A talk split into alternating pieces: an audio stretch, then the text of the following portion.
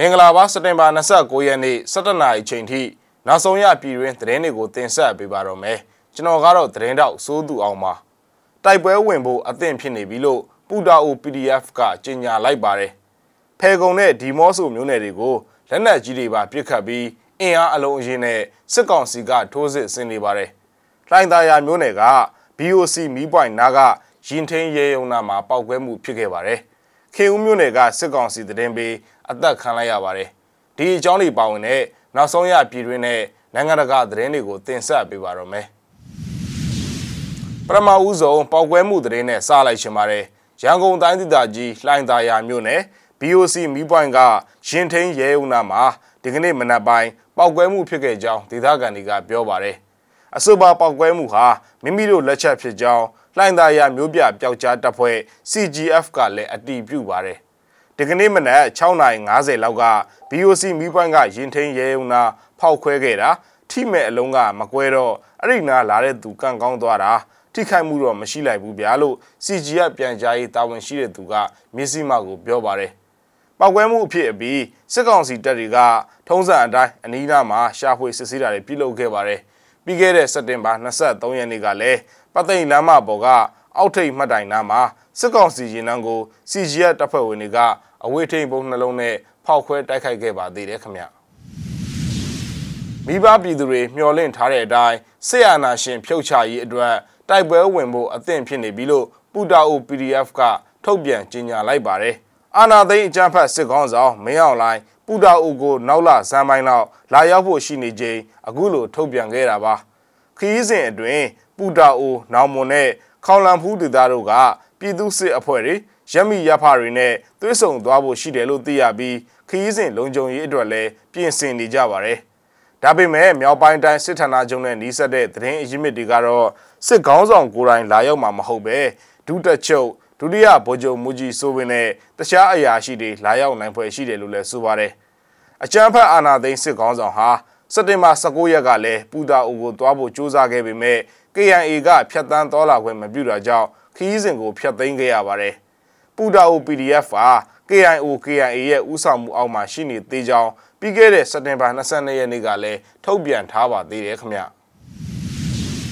ခင်ဦးနယ်ကကြမ်းခံရေးပါတီစီယုံရေးမှုစစ်တပ်သတင်းပေးတယောက်တနက်တန်ရာနဲ့တေဆုံးနေတာကိုတွေ့ရကြောင်းဒေသခံတွေကသတင်းပေးပို့လာပါတယ်အသက်ခံရသူကိုဝင်းသူရအသက်45နှစ်ကို သူ့နေထိုင်ရာတရက်ပင်စုကြေးရွာနဲ့အင်းပတ်ကြေးရွာကြားခင်ဦးရေဦးကတ္တရလမ်းမပေါ် တနက်တန်ရ၃ချက်နဲ့တေဆုံးနေတာကိုတွေ့လိုက်ရတာပါကိုဝင်းသူရဟာတရက်ပင်စုကြီးရွာကြန့်ခိုင်ပါတီစီယုံရေးမှုဖြစ်ပြီးစစ်ကောင်စီကိုသတင်းပေးနေတဲ့ပြူစောတိအဖွဲ့ဝင်ဖြစ်ကြောင်းလဲဒေသခံတွေကပြောပါတယ်သူ့ကိုတနက်နဲ့ပြစ်တာဟာခင်ဦးနယ်က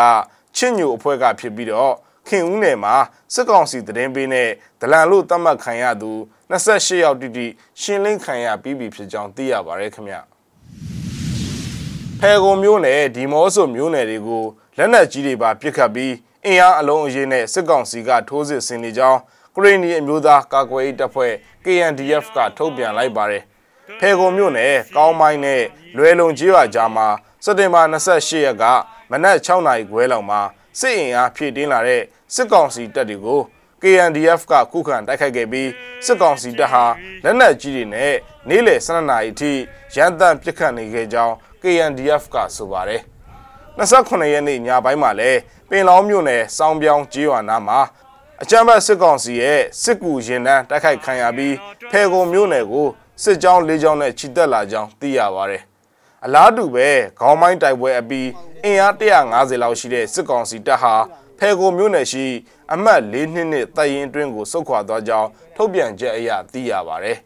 စက်တင်ဘာ28ရက်နေ့ည9:50မိနစ်မှာတော့ ဒီမောဆိုမြို့နယ်ဒေါငန်ခါကျွော်ဘက်ကိုအကြမ်းဖက်စစ်ကောင်စီကလက်နက်ကြီးတွေနဲ့ပစ်ခတ်နေကြကြောင်းကရင်နီအမျိုးသားကာကွယ်ရေးတပ်ဖွဲ့ကထုတ်ပြန်ထားပါတယ်ခင်ဗျပဲ့ထိန်တုံးတွေတင်ဆောင်ပစ်ခတ်နိုင်တဲ့ရင်ငုံတင်ပေါ်အမျိုးအစားတစ်ကိုတောင်ကိုရီးယားစစ်တပ်ကရေချလိုက်ပါပြီအပြည့်အစုံကိုကြည့်အောင်ပါ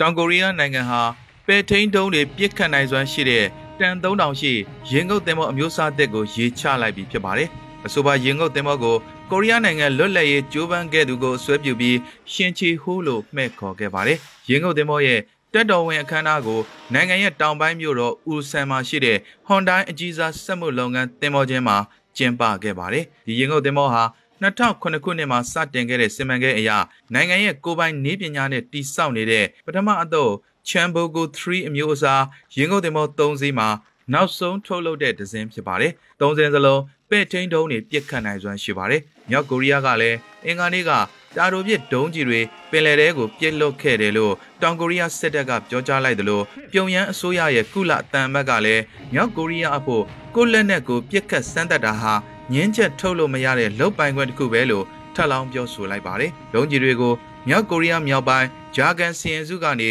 အရှိဘက်ကမ်းလွန်ပင်လယ်ပြင်ထဲကိုပြစ်လွတ်လိုက်တာဖြစ်ပြီးပဲထိန်တုံးတွေဖြစ်ဖို့များတယ်လို့တောင်ကိုရီးယားစစ်ဦးစီးချုပ်နဲ့ဂျပန်ကာကွယ်ရေးဝန်ကြီးတို့က AFP ကိုပြောပါတယ်။ကိုရီးယားနိုင်ငံခေါင်းဆောင်အကြားတွစ်ဆုံဆွေးနွေးမှုဖြစ်လာနိုင်တယ်လို့မြောက်ကိုရီးယားခေါင်းဆောင်ကင်ဂျုံအန်ရဲ့ဩဇာကြီးတဲ့အမလည်းဖြစ်အဓိကအကြံပေးလည်းဖြစ်တဲ့ကင်ယိုဂျောင်ကဇဂဦးတန်းအပြီးရပ်ပိုင်းအကြာမှာမြောက်ကိုရီးယားတန်အမတ်ရဲ့သတင်းစကားထွက်ပေါ်လာခဲ့တာဖြစ်ပါတယ်။ဒါပေမဲ့သူမကတော့ ဗတ်လိုက်မှုကင်းပြီးအပြန်လန်လေးစားမှုတွေလိုအပ်မှာဖြစ်တယ်လို့ပြောဆိုလိုက်ပြီးတောင်ကိုရီးယားနိုင်ငံအဖို့မတိမဲ့မြင်မှတ်ချက်ပြုတာမျိုးရပ်တန်းကရပ်ဖို့တောင်းဆိုလိုက်ပါတယ်။မဟာမိတ်တွေပေါင်းပြီးစီးရေးစွမ်းရည်မြင့်တင်နေချိန်မှာမြောက်ကိုရီးယားရဲ့စီးရေးဖြစ်ထွန်းမှုအပေါ်ဝေဖန်နေကြတဲ့တောင်ကိုရီးယားနဲ့အမေရိကန်တို့ဟာနှစ်ဖက်ခွဆန်နှုံးတဲ့နိုင်ငံတွေဖြစ်ကြောင်းပြစ်တင်ရှုံချလိုက်ပါတယ်။မြစီမ TV ရဲ့သတင်းအစီအစဉ်ကိုဒီမှာခဏရင်နာကြပါတယ် ကြည့်ရှုခဲ့တဲ့မိဘပြည်သူတူးချင်းစီကိုလည်းကျေးဇူးအထူးပဲတင်ရှိပါတယ်ကျွန်တော်တို့သတင်းနဲ့အတူတူပြန်ဆောင်ကြပါဦးမယ်